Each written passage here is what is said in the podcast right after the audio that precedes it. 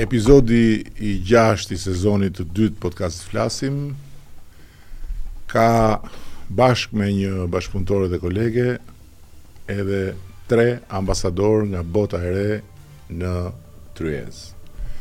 Janë tre përfaqësues të një komuniteti që po zhvillohet dhe që i ofron shoqërisë rrugë krejtësisht të pashkelura për të përmirësuar jetën e vet dhe njëkohësisht për të zgjidhur me shpejtësinë e erës, kur i thonë fjalës, çështje, probleme, Ndërveprime të cilat përndryshe kërkojnë shumë më tepër kohë dhe patjetër kanë edhe një kosto më të lartë. Këtu kam të ftuar me ndërmjetësimin e Delinës që është ministrja jonë e Shtetit për sipërmarrjen, por që ka si një ndër objektet e punës së vet këtë zonë të botës së re që është zona e startupeve, zona e këtyre sipërmarrjeve që bazohen tek potencialet e botës digjitale. Idlirin, Gejsin dhe Armandin. Pse janë këta të tre sot me ne? Për të folur për një element që është një element i jetës tonë të përditshme, që janë pagesat. Në një vend ku sot e gjithë ditën nëntëdhjetë e gjashtë për qind e pagesave kryhen nëpërmjet parasë fizike dhe ndërkohë që sektori bankar vë në dispozicion qytetarëve kartat e bankës, Në Shqipëri kemi hëpërhë vetëm Visa dhe Mastercard, të cilat janë faktikisht një për qind e volumit. Dhe përveç se janë një për qind e volumit, kanë dhe një kosto. për konsumatorët, pasi çdo transaksion i jep bankës një komision. Ne kemi folur prej disa kohësh për të zgjidhur nëpërmjet instrumenteve të botës së re një problem nga më të pagëlltitshmit e botës vjetër. e botës së ndërveprimit të drejtpërdrejtë fizik të njerëzve që është marrja e pensioneve në zarfa sot e gjithë ditën. Dhe natyrisht nga ana tjetër që është pamundësia objektive ende sot që pensionistët të pajisen me karta banke të kenë transaksione bankare si pjesë të jetës tyre të përditshme.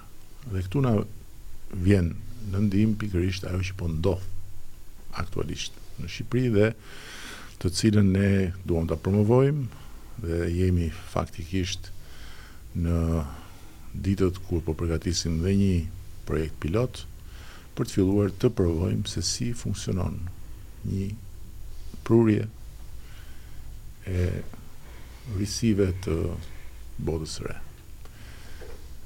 Nuk po e zgjas unë më tutje, po ia kaloj fjalën cilitdo këtu që ka guximin ta marrë fjalën i pari, zakonisht guximin për të marrë fjalën të parët nuk e kanë burrat e kanë vajzat dhe gratë, kështu që besoj Gejsi s'do të ngurrojë të thotë disa fjalë për të thyer akullin. Patjetër, faleminderit. Në hapat e kohës patjetër që është për shumë për t'u vlerësuar që Shqipëria ka marrë një nxitje dhe një ritëm uh, për t'u vlerësuar në fakt uh, prej kohësh uh, pagesat, fintech-u dhe kryerja e pagesave dixhitale gjithmonë çdo ditë e më shumë po bëhet pjesë e shprehive të ditës dhe ne gjithmonë e më shumë e synojmë këtë si pjesë dhe të edukimit financiar të të individëve kryesisht por pastaj të bizneseve e më tej më gjërë. Miratimi i ligjit për shërbimet e pagesave ishte një incentiv, një nxitje shumë e mirë që iu dha tregut shqiptar dhe të gjithë operatorëve të cilët u licensuan nga Banka e Shqipërisë për të bërë të mundur ofrimin e këtyre shërbimeve të pagesave nëpërmjet një instrumenti dixhital, e thënë thjesht kryerjen e pagesave nëpërmjet një aplikacioni që lehtësisht shkarkohet në çdo smartphone, Android apo IOS qoftë ky, i cili synon patjetër uljen e kostove, qofshin këto financiare, qofshin kosto në kohë për gjithë individët, sepse këto janë dy gjërat më të kushtueshme të ditës, të ritmit të ditëve të sotme. Patjetër që tani tregu është duke u kompletuar, madje mund të thoja që janë mjaftueshëm institucione të licencuara të cilat dhe të kontrolluara nga Banka Qendrore, të cilat munden t'i ofrojnë të gjithë atyre individëve që i kërkojnë këto shërbime sot në formë dixhitale. E Reja është një prej këtyre aplikacioneve, i cili shkarkohet edhe ky lehtësisht pa kosto të shtuara në në iOS dhe në Android. dhe mundëson çdo individ që pajiset me një llogari të kryejë të gjitha pagesat që dëshiron nga shtëpia. Ë një një kompani me një investim tërësisht shqiptar, ë që besoj është për të vlerësuar, është incentivë e ardhur nga një eksperiencë e një tregu të testuar të pagesave cash prej vitesh tashmë, strategjikisht kuptohet që digjitalja do mbrinte dhe mbriti shumë shpejt tek ne. Është një kohë për të investuar bashkërisht tashmë. Institucionet e parasë elektronike e kanë bërë hapin e vet. Investimi në fintech është kërkesë e kohës që mori një nxitje që prej pandemisë dhe gjithmonë e më tepër do vi duke u shtuar, por ne patjetër që ftojmë të gjithë këto bizneset që t'i bashkohen këtyre investimeve dhe ta bëjmë jetën shumë më të lehtë për konsumatorët individë. Është interesante që Reja lind si një si një kompani që tradicionalisht është marrë me remitancat. Remitancat ndër vite janë marrë dhe janë dhënë në me para pra për ta bërë me një fjalë që të jetë kuptueshme për gjithë dërgesat e emigrantëve në vendin tonë. Dërgesat e emigrantëve që Djali, vajza që punonin jashtë, shkonin në një sportel diku jashtë, dërgonin para me kosto shumë të lartë në Shqipëri, me kosto me mbi përqindje, me përqindje mbi paratë që dërgonin dhe marrësi, babai, nëna shkonte po në një sportel, merrte paratë duke humbur një pjesë të parave që dërgoheshin.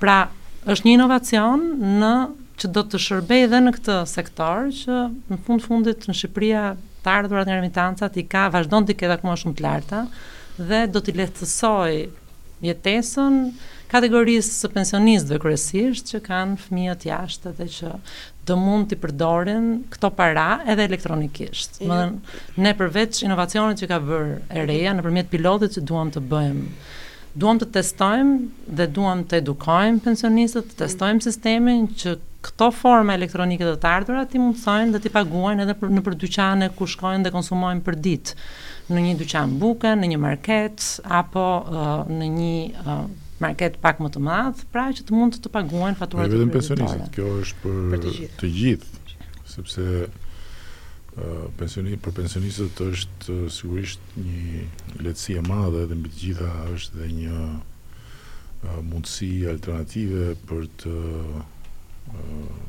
marrë qoftë pensionin, qoftë dërgesat e nga jashtë ose edhe nga brenda në kohë reale me me familjarët, por edhe për të gjithë konsumatorët e tjerë, të cilët E dimë shumë mirë, faktikisht, kur vjen puna tek kuponi, kthehemi vazhdimisht aty ku ishim, kjo nuk është vetëm në Shqipëri, ka ndodhur dhe i ndodh shumë vendeve, ndërkohë që ajo, ai kuponi, faktikisht, sjell me vete atë që është e konsumatorit. ndërkohë që duke mos u marrë i lë atë që është e konsumatorit atij që faktikisht i jep një shërbim dhe ndërkohë merr diçka ekstra që nuk i takon dhe pastaj për të bërë më shumë investime, për të bërë më shumë shërbime cilësore, mungon pikërisht një pjesë e kësaj paraje të cilën Biznesi e mban në vend se ta derdhë në arkën e përbashkët. Ilir. Faleminderit për ftesën. Të flasim për teknologjinë financiare, kam përshtypjen që do të duhej shumë e shumë minuta dhe kohë. Po mirë, këtu jemi. Fillo.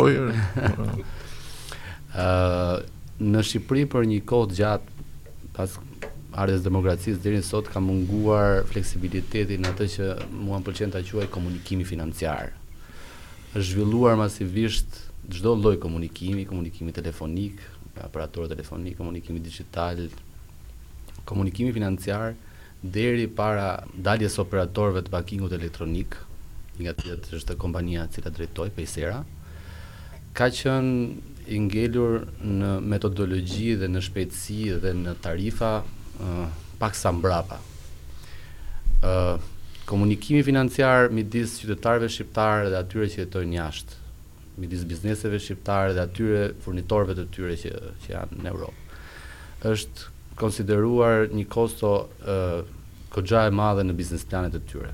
Pra, nuk flasim këtu vetëm për kompani të mëdha që kanë mundësi t'i përballojnë këto kosto, por edhe për sipërmarrës të vegjël, të cilët komunikimin me Europën dhe transaksionet financiare i kanë pasur në në në buxhetet e tyre. Sot ata kanë mundësi që të bëjnë blerje në Europë me Kosto një euro për dhjetë sekonda ose tridhjetë minuta, varet nga shteti ku ndodhet, dhe të jenë të barabartë me gjithë qytetarët e Bashkimit Evropian. Në ç'kuptim 30 minuta.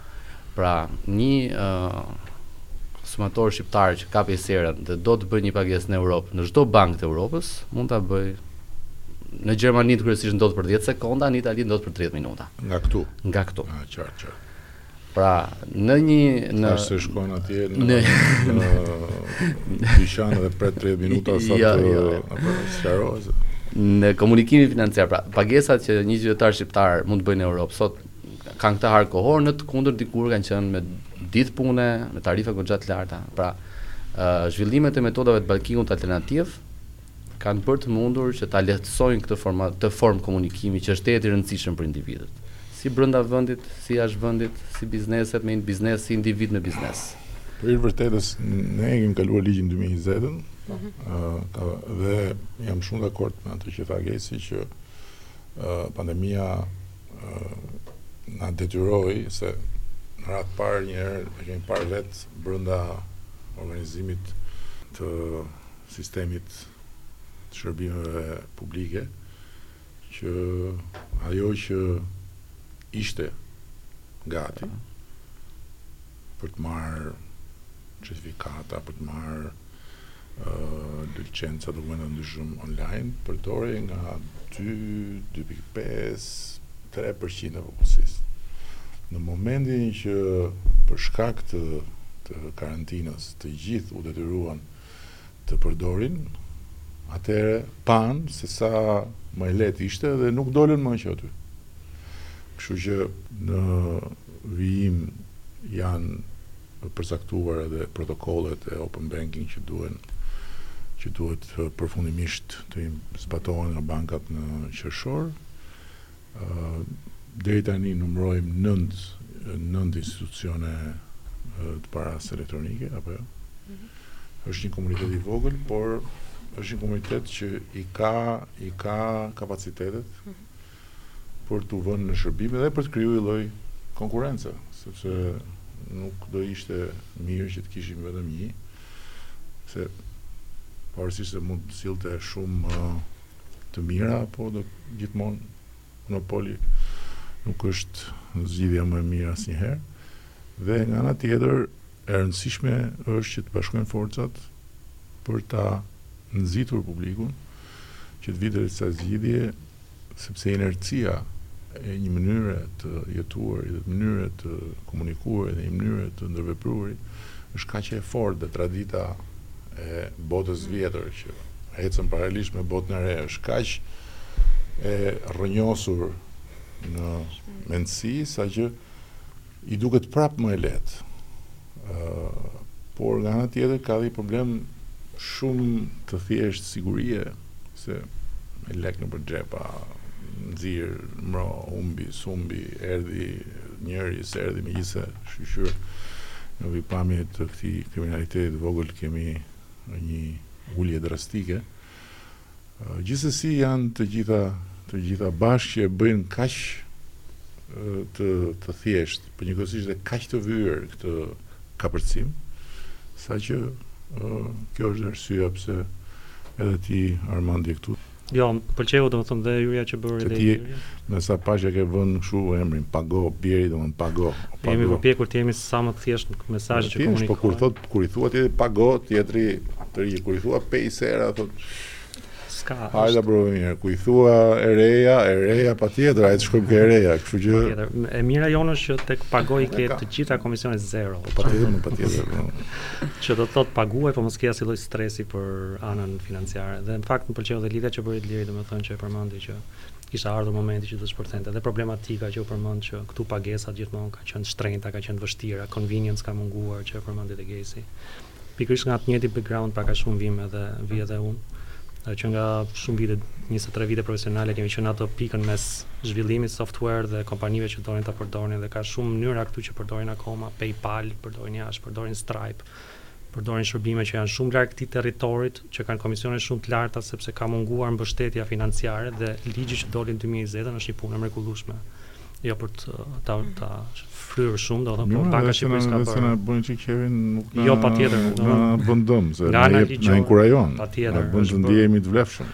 Për mua ka qenë fazë tranzicioni 2019-2020 ku doja çfarë do bëj my next step dhe uh, unë faktikisht jetoj edhe në Berlin. Atje ishte ajo kultura që gjithçka shërbim bankar është falas. E diskutuam pak më parë edhe bashkë që ti dërgon një pagesë është falas në SEPA në Gjermani, në Europë. Ti merr një pagesë gjithçka falas. Dhe shërbimi bankar ishte edhe atje falas një kohë kur këtu ishim mësuar që ti dërgon nga një bankë, një bankë tjetër kushton 500 lekë për shuma të caktuara dhe atje doli ky momenti që ishin Revolut që ishte N26 janë dy banka europiane shumë ndaja dhe edhe ne me Pago domethënë faktikisht pavarësisht se emrin e ka Pago që është lehtësia pagesës Për ne ky si startup është komplet që të bëhet një cikël i një banke digjitale që të zgjidhë komplet nevojën tonë për të pasur një bankë. Domethënë nuk ka më një ta shpi- po kalojmë pak një roje të djersitur që të pret për të futur, për të marrë lekun tënd apo por ti ke një IBAN që Banka e Shqipërisë prapë bën një punë shumë mirë kur ju po kërkuat. Po i po i po i sulmon ata apo ata jo, nuk ata nuk janë të lumtur nga ardhja juaj apo jo. Jo, domethënë, unë mendoj që bankat kanë një treg, kanë një një një produkt që ne nuk e sulmojmë fare. Domethënë liçenca jonë e quajmë neobankë sapo e përmenda edhe për veten tonë, por ne s'jemi tamam bankë. Domethënë ne kemi dy shërbime kyçe që është kredia. Se the kështu pra e the vetë, ne jemi bankë komplet dhe s'duhet roja. Po, Tash patjetër, tani na del që roja u dash. Po, por ne nuk japim dot kredi, ne nuk japim dot përqindje mbi depozita. Domethënë këto gjëra ne prapë do e çojmë biznesin tonë, do e çojmë tek bankat. Domethënë këtë anë ne i shohim partnere. Kurse kur vjen pjesa tek diskutimi që është bërë këto kohë shumë kohë dhe më pëlqen që është ngritur si si diskutim tek pagesat, ku bankat nuk kanë asnjë lloj interesi që ta shtojnë vetes një angari etj. Janë pikërisht institucione si i yni këtu, domethënë si institucionet tona që janë Ja, po gati që janë para hajnë, po rojë. që janë hajnë të atyre. Po mirë, ata jo, ata Do do ja u qajnë jenë, nga i cikse. ata do jenë të lumtur që t'ju hikin këto, jo se një si thoshte Qazim Mulleti. Po, është Pesë pyetje napolona interesante. këtu, pesë napolona atje, po nuk janë Patjetër. më pesë. Është pyetje shumë e mirë, po domethënë bankat siç kanë fitime, siç mund të mendojnë që po ikën kjo pjesa këtu kanë dhe ca përfitime. Për shembull, përmendët pak më parë open banking. Bankat përfitojnë shumë nga open banking i implementuar dhe ato akoma s'e kanë vlerësuar ndoshta në Shqipëri. Domethënë kosto më e madhe te kredia për ta është risku i kredisë, është e mirë, është e keqe, ça historiku ka. Kurse me open banking e kanë shumë kollaj që të krijojnë një credit score system, tipit, më falni, një sistem pikësh që të vlerësojnë domethënë që personi që ka aplikuar për këtë kredi, ça historiku ka tek banka e parë, Ça historiku ka tek Paysera, ça historiku ka tek Rea apo tek një sistem tjetër dhe të gjitha të qëndërzuara, domethënë dhe ato përfitojnë nga gjithë këto inovacione, janë gjithë inovacione që shtyn, kuptohet, lejon një segment pagesash që të spostohet ca lojtarëve të rinj që duan ta përdorin këtë për të bërë shumë inovacion, sepse këtu bëhet fjalë që ne nuk bëjmë vetëm pagesa, ne bëjmë dhe integrime me sistemin e fiskalizimit, ne bëjmë integrime me sistemin e raportimit të dhënave personale nesër pasnesër. Domethënë ka shumë gjëra që bën finteku dhe që bankat nuk i kanë ato vizionin e tyre. Kështu që mendoj që secili ka ka vend për të gjithë. Shiko, unë nuk më vjen keq që do mërziten ata sepse uh, më vjen mirë madje, më vjen shumë mirë që të vijë momenti që njerëzve të zakonshëm t'ju garantohet që paraja e tyre ku shkon nga pika A në pikën B është e njëjta. Këtu jemi. Pra, unë e kam depozitën në telefon dhe nga telefoni unë bëj gjithë veprimet më kërkon shitësi akullores për çunin 5 lek unë jap 5 lek dhe aty më hiqen 5 lek Nuk më hiqen gjashtë lekë, pesë për pesë për shitësin dhe një për bankën, apo jo. Tani, vijmë te pjesa tjetër, se unë e përkrah shumë botën e re, po unë jam i botës vjetër. Pyetja është, lekët ku janë? Lekët, lekët, ku janë lekët? Kemi dëgjuar shpesh. Se e kemi ne shqiptarët këtë që ne po nuk prekëm nuk besojmë. Nuk jemi, nuk jemi ne vendi ideal i Jezu Krishtit. Ne jemi vendi i Shën Tomës. Ta prek, Që ta besoj. Dy janë meraqe. Ku janë lekët? Thjesht ku po. janë lekët po. dhe ku fitoni ju? Kur s'jepni komision. Lëre këtë, kjo kjo ku fitoni ju, s'keni për ta treguar ndonjëherë, po lekët ku janë? Atëherë. Ëm um, kemi dëgjuar shpesh fjalën ekosistem, ekosistem financiar, ekosistem teknologjik. Ëm um, ekosistem ka ndodh kur ka dy ose më shumë element të përfshirë së bashku. Ne jemi pjesë e ekosistemit financiar dhe veprojmë mbi infrastrukturën bankare. Do të thotë paratë janë në bankë. Paratë e klientëve tanë nuk janë në zyrat tona, e ndonjërit këtu, janë po në llogari të veçanta bankare, që quhen llogari depozitare apo safeguard anglisht. që janë të destinuara për të mbajtë fondet e klientëve tanë, të cilat ata i administrojnë nëpërmjet infrastrukturës teknologjike, telefoni apo kompjuteri. Pra, paratë janë po në bankë. Janë aty pse bankat vazhdojnë fitojnë. Kjo është arsyeja që ne nuk, domethënë, nuk na vjen mirë që gjithmonë shikohemi me pjesën do t'i heqim komisionet bankare. Do t'i vjedhim klientë bankës, do t'i vjedhim shërbime. Ne i marrim disa shërbime, por uh, mundohemi që të zvogëlojmë atë që në Shqipëri është një fenomen që quhet gjithologjia. Të gjithë duan të bëjnë të gjithë, çdo gjë. Bankat do vazhdojnë të bëjnë bankingun klasik, do japin kredi, do marrin depozita dhe do përmirësojnë dhe i kanë përmirësuar dhe janë të mirë në atë pjesë. Po pagesat, transfertat dhe shërbimet e tjera i bëjnë kompanitë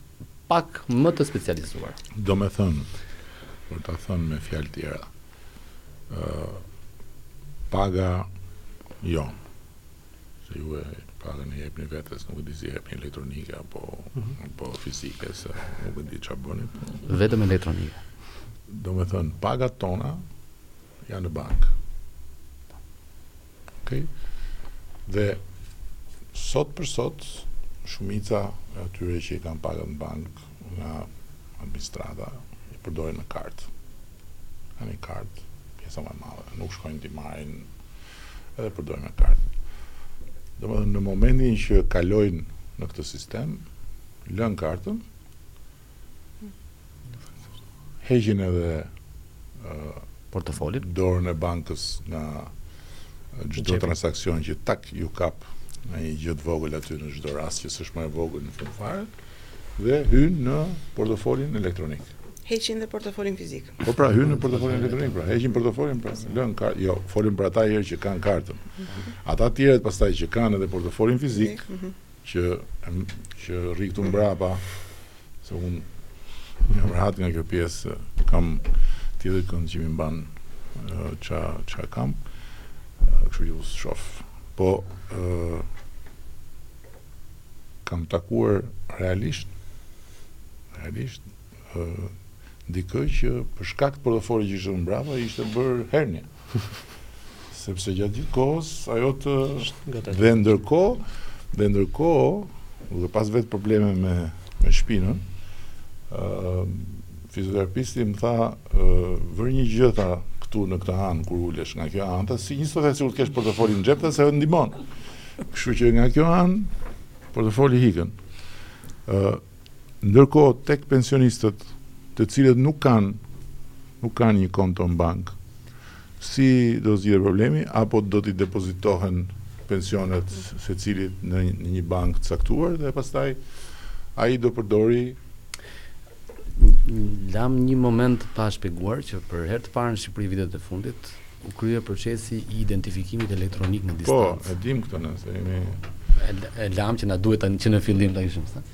Faciliteti që mund t'i bëjmë pensionistëve. Nuk u krye kështu, nuk e bëri, nuk erdhi nga qielli, u krye se Po, po, se u miratuan të gjitha rregulloret përkatëse dhe ë kuadri rregullativ u sqarua, kishte disa paqartësi.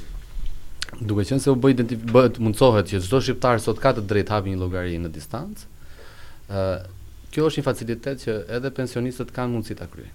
Identifikimin e llogarisë, identifikimin në distancë, hapja e një llogarie, qoftë në institucion financiar të parasë elektronike apo edhe në bankë, se ka dhe banka që kanë investuar infrastrukturat e tyre, kanë mundësi që të kenë online në telefonin e tyre llogari për dhjetë deri në pesëmbëdhjetë minuta, në të cilat mund t'i depozitohet pensioni. Po kur s'kanë telefon? Do të shkojmë te rruga e vjetër e letrave. Jo, jo, ka dhe rrugë të tjera të reja, se tani në vërtet, unë vërtet jam i botës vjetër, po unë botën e re e gjëmoj nga mbrapa gjithë kohës. Nuk më rremenja që bëhem komplet i botës re, po ka dhe rrugë tjetër, po. Me ato... Me çipa. Me byzylykun këtu. Byzylyku, edhe s'është vetëm për para, me byzylykun këtu vetëm për para, ta. edhe shkon atje, s'ke telefon, tak, shkarkohet. Ajo është jo. një medium shumë i mirë, po duhet të lidhet teknikisht me një llogari. Patjetër me llogari, po jo me telefon. Po, po, po, po, po, pra, po, se na e bëre të vështirë, sepse jo. ndërkohë ne po themi që pensionistëve do t'i zgjidhim këtë problem të madh. Dhe ata do jenë zotër të çdo qindarke dhe ndërkohë do kontribuojnë atë që ata e kanë me gjithë zemër dhe me gjithë mendje ndryshe nga gjeneratat e mëpasshme që çfarë është e shtetit ta marrë shteti pra që ajo TVSH-ja e çdo produkti që unë paguaj s'ka pse ma merr ai që më shet atë ai ia kalon shtetit Dhe ndërkohë, në këtë rast, kalimi bëhet automatik, nuk merr dot ai më shumë sesa ç'i takon. Po po, është vërtet, domthonë pagesat kontaktless janë të njohura, ato zakonisht janë si zgjatim i një mediumi tjetër, mund të ishte kartë, kartave u bashkangjitet një çip, një kartë që lëshohet, po mund edhe të jetë një çip komplet që vjet po, mund të jetë kartë, po patjetër. Po. Kështu që janë edhe ato praktikë që bëhet, ne jemi fokusuar sepse ka gjithmonë hapa, hap pas hapi. Kjo është karta e kompanisë tonë po. dhe ne kemi mbyllur atë ciklin që merr dhe i ban. Vetëm përpara është. kemi mbyllur atë ciklin që merr edhe pagën këtu. ë uh, mund të përdorësh pastaj dhe ATM-të falas, kuptohet gjithçka pago, thënë. Por uh, zgjatimi i saj mund të jetë pjesa e një çipi që mundet që ti ta mm, për dikë që ka një celular të vjetër e lidh me celular dhe prap paguan ato siç mund të paguani në Google Wallet ku shkon, mund të paguaj brenda Shqipërisë, jashtë Shqipërisë për atje ku niset uh, njihet skema të cilën e përdorin për kartë, që ka mënyra plot për ta po për jashtë jashtë ju njihen ju këto? Po patjetër. Do të thënë po të jesh tek një nga këto tuajat ku shkon jashtë dhe do të paguash në një Një kafe e paguan? Po. Direkt. Patjetër. Bëhet pagesa në infrastrukturën e njëjtë është e padiskutueshme, po edhe nëpërmjet kartave. Në rastin e Pagos është ka kartë fizike, në rastin e Payserës ne kemi kartë virtuale. Kudo ku ka Visa dhe Mastercard, mund të paguash. Po pra, domethënë po, po. Po. Pra janë instrumenta të njohura dhe të zhvilluara mbi bazën e networkut ndërkombëtar. Kjo pjesë e botës së re nga eksperiencat se sigurisht ju keni studiuar eksperiencat tjera e tjera e tjera nuk ka pas nuk ka paraqit në ndonjë vend probleme të natyrës që falimentoi, iku, ngel njerëzit pa s'ka lidhje sepse gjithsesi gjëja është në bankë apo jo. Fondet janë të sigurta, Iliri e preku pak, në fakt ka një akt rregullativ nga rregullatori nga Banka e Shqipërisë që jo, merret vetëm me këtë. Dhe, e, e po, botës. Po, në eksperien nga eksperiencat më të mira besoj që ne kemi marrë praktikën më të mirë, duke qenë se po adoptojmë tani këtë pjesë të ligjit dhe uh, këto fonde janë të paprekshme edhe nga institucionet siç është Për shembull, një përmbarues, siç është një autoritet mbi nivelin e një ekzekutuesi të një prone, një pasurie, sepse janë të ruajtura dhe janë fonde të veçanta, pra dhe vetë ne si institucione, pavarësisht se i mbledhim dhe i kemi këto fonde të klientëve në kontot tona, janë të ndara veç nga aktiviteti jonë, pra janë fonde të sigurta, të veçanta që nuk preken. Ato i mban banka me sa kuptoj. Banka i mban, po, por pra, janë veç. Po pra, banka i mban. Mban. Veç. Edhe ju e i keni të lidhura këtu. Dhe janë të paprekshme. Dhe nëse banka do falimentonte, ato prapë janë fonde të paprekshme, pra janë të përjashtuara nga institucionet e parasë elektronike mbikëqyren nga të njëjtat institucione po, po, e di këtë, e di, si po, po. bankat e nivelit të dytë. E di këtë, po pyeta, sepse për shembull, gjithmonë bëjmë avokatin e djallit. Mm. Dhe bota e bota e vjetër është djalli. E reja është një djall që po merr një formë gjithmonë e më shqetësuese, po është muhabet tjetër. Ë po.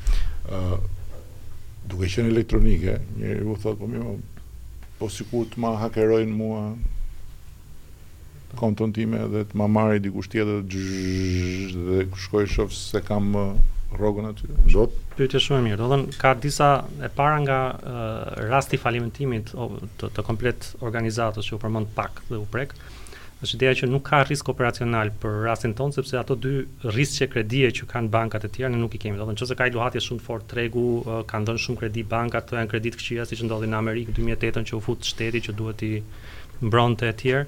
Domethënë ky rast nuk është për neve sepse nuk e kemi këtë risk operacional, domethënë liçenca jonë është pak më e kufizuar nga liçenca bankare. Kurse tek ana e sigurisë mendoj që aplikimet tona janë më të sigurta se bankat, po them Janë blockchain këto. Jo, nuk janë blockchain, por ne kemi jemi një çik më po e quaj veten më të avancuar në Edhe sensin e blockchain. Po blockchain është shumë i mirë për disa gjëra të caktuara, por shumë i keq për disa gjëra të tjera. Domethënë është një database e shpërndarë që është shumë e avasht. Kurse ne jemi database e qendërzuar që gjithçka e kemi këtu dhe në çastin që për shembull ty të humbi kjo karta, bie fjala, ose ke dyshim që nuk dua të shpenzoj më shumë se njëzet mijë lekë me kartën time, ti e bllokon në në celular. Jam në Itali, e hap shpenzimet për të bërë jashtë. Domethënë kartën time nuk mund ta marrë dikush nga kam dëgjuar raste nga Koreja dhe ta shpërdorë, domethënë të marrë fondet e mia, sepse ne kemi të mbrojtur dhe ti në çdo çast e hap dhe e mbyll brenda sekondit, domethënë nuk bëhet fjalë që është një interaksion i avashtë që ti duhet të marrësh telefon një bankë që më humbi karta ose m'u bë karta. Domethënë nga kjo anë nuk është se e bëjmë vetëm ne, e bëjnë shumë kompani tjera fintech në gjithë botën. Ne kemi ndjek këto praktikat e tyre të lehtësisë për edhe në kuadrin e e e sigurisë që ti ke. Domethënë, ti do që t'i bllokosh të gjitha transaksionet online të fëmijës tënd, se nesër do lidhim dhe karta që kanë dhe fëmijët tanë 14 vjeç e sipër, po mhm. bashkëpunojmë me Bankën e Shqipërisë dhe për këtë është shumë interesante. Dhe ti bllokon që fëmijët mos bëjë asnjë lloj blerje online. Ti do që fëmijët mos ketë asnjë lek cash nëpër duar, ti bllokon dhe fëmijët që të mos ketë atë më. Dhe të njëjtën gjë ti e bën dhe për vete. Dhe kjo është një tjetër layer sigurie që mendoj që ka dhe banka që e bëjnë ndoshta, nuk jam shumë i mirinformuar te kjo pikë, por është proces që ne te siguria e kemi vënë shumë theks. Domethënë në anën në anën rregullative si organizata, si institucione ne na ka mbrojtur legjislacioni ku operohemi i Bankës së Shqipërisë, që ka mm. thënë ju këto fonde do i keni kasafortat e shpërndara, edhe kjo është e rëndësishme. Domethënë lekët tona nuk qëndrojnë vetëm në një bankë. Falimentoi kjo bankë, falimentoi gjithçka po shpërndarë në të gjitha. Dhe nga ana jonë pastaj për të mbrojtur klientin ne kemi marrë disa gjëra që i kufizojmë sa më shumë transaksionet dhe t'i japim një nivel sigurie. Okej, ë të vijmë tek pjesa që kishte më merak Grejsi që bëri thirrje bizneseve. Cili është përfitimi i bizneseve në këtë rast? Ë e para ë përfitimi i bizneseve është ai financiari që është më i prekshmi, domethënë të operosh dhe të kursesh në atë që ato e quajnë daily business të tyre, pra të kursesh nga kostot financiare të transfertave mes llogarive, të transfertave të përftuara etj etj, kjo është Domethënë kjo nuk ka limit. Domethënë mund të bësh transferta edhe në sasira të mëdha, miliona euro. Edhe me miliona euro. Është e monitoruar, është njësoj si një transaksion bankar, por për hir të infrastrukturës dhe teknologjisë që ka nga mbrapa, duke qenë se krijon disa facilitete, duke ruajtur standardet e sigurisë krijon kosto të matshme shumë më të ulëta se sa. Dikush që ka një konto, që ka një biznes dhe ka një konto bankare me miliona euro, me telefon tak tak mund të çojë edhe 5 miliona euro në anën tjetër të botës. Po. po. Ne kemi mhm. klientë të kësaj natyre. Uh, gjatë 2023-shit klientët tanë që janë mbi 500 kanë kursyer rreth 3 milionë euro komisione, kursim.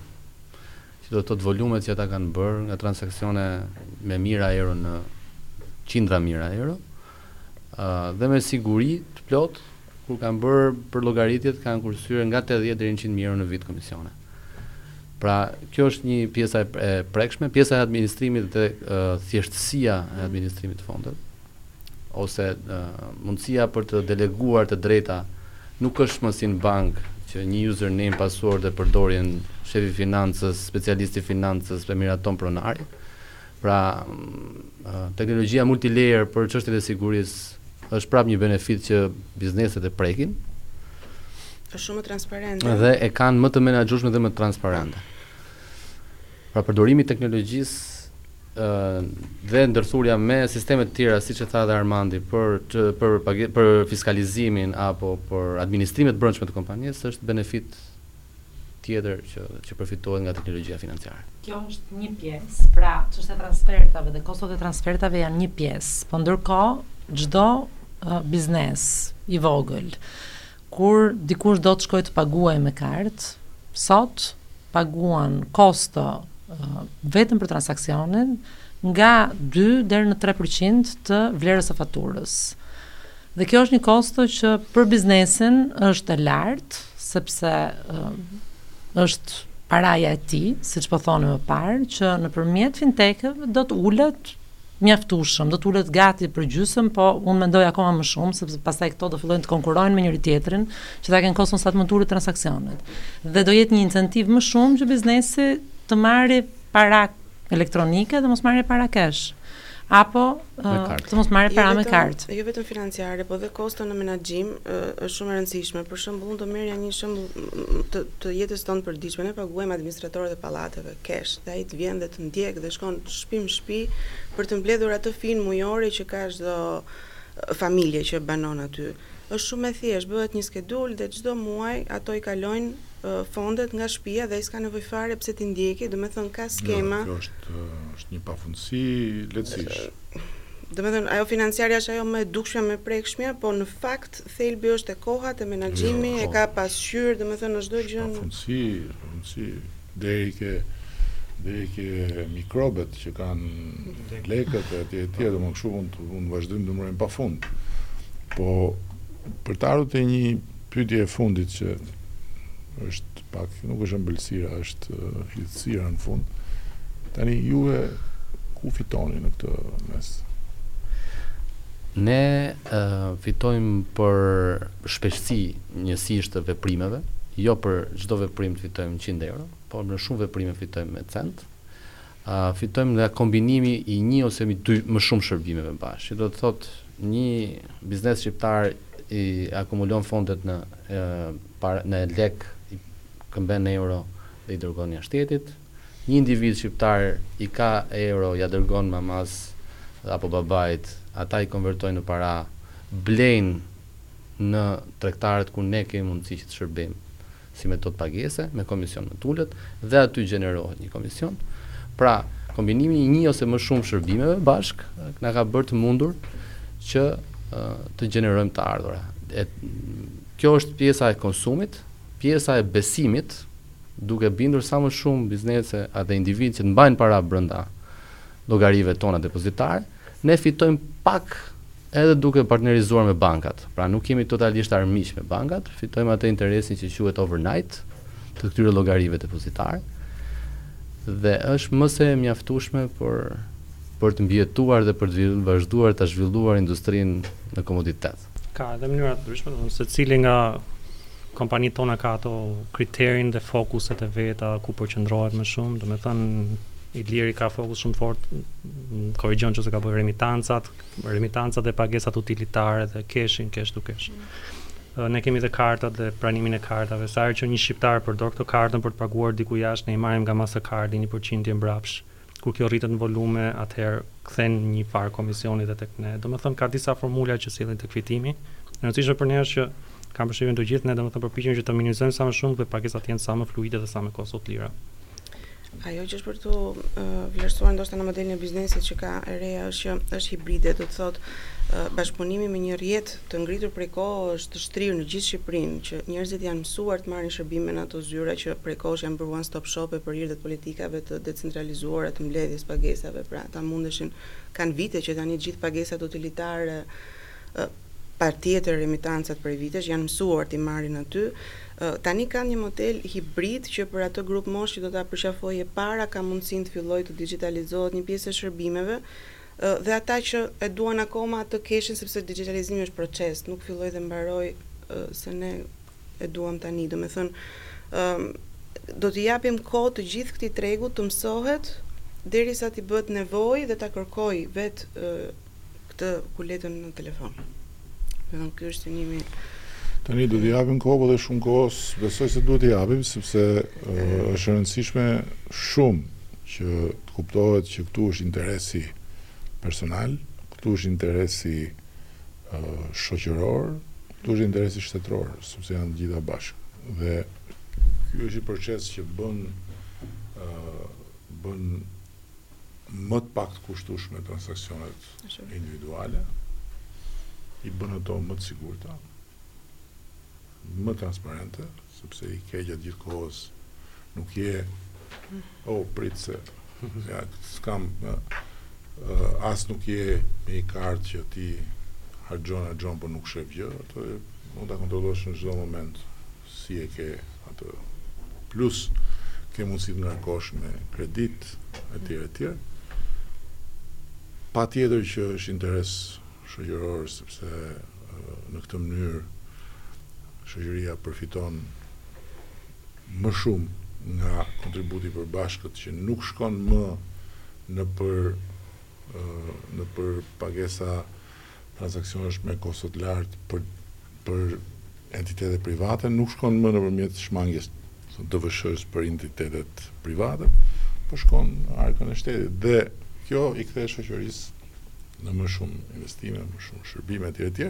Dhe patjetër është interes shtetëror sepse një vend në shekullin e 21 në dekadën e tretë që ka një përdorim kaq masiv të parasë cash, ka një arsye shumë të fortë që të reagojë dhe të fitojë sa më shumë nga koha e humbur, kështu që ne jemi në radhë të parë jemi të frymëzuar dhe të të inkurajuar që hapat që ne hodhëm për reformën, për legjislacionin e tjerë e tjerë, i dhanë jetë kësaj industrie.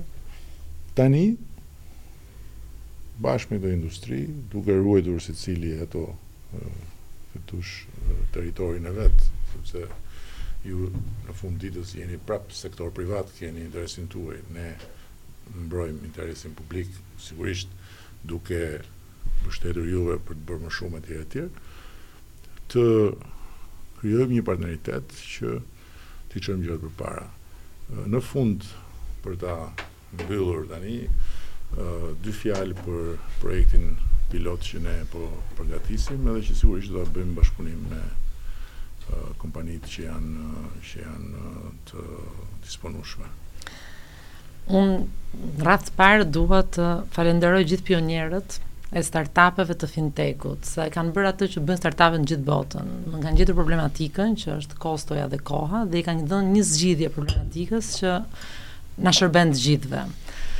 Dhe duke marrë shkas nga kjo, kemi menduar të bëjmë një projekt pilot, uh, ku do pilotojmë tre zona të ndryshme. Uh, në Tiranë, 100 individë, në Peshkopi, 100 individë, dhe në Përmet, 100 individë, të cilët uh, qeveria do t'i uh, mbushë llogaritë e tyre për katër muaj me një vlerë prej dhjetë mijë lekësh në muaj, me qëllim që këto para t'i shpenzojnë nëpërmjet platformave dixhitale.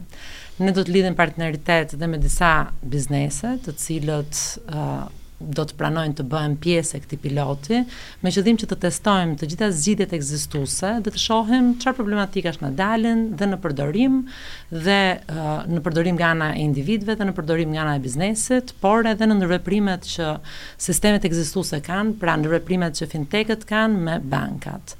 Kjo është pse duhet të ndërhyjë qeveria, mund të pyesin shumë njerëz, sepse siç u tha të gjitha është interes publik sepse neve kemi interes që të reduktojmë keshin në ekonomi, ne kemi interes të vijojmë formalizimin dhe ky është një element komplementar i fiskalizimit, sepse nëse për pagesat biznes me biznes tashmë çdo gjë bëhet me bankë dhe është e kontrollueshme, pagesat biznes me individ vijojnë të kenë ato problematikat që të përdorimit të keshit dhe të informalitetit. Kështu që besojmë që me këtë pilot dhe me këtë nxitje që do japë qeveria, do të mund të të finalizojmë atë projektin tonë të fiskalizimit, ku çdo gjë duhet të jetë elektronike, e thjeshtë për individin, e thjeshtë për biznesin, për të mos, për ta shtyrë përpara progresin dhe inovacionin.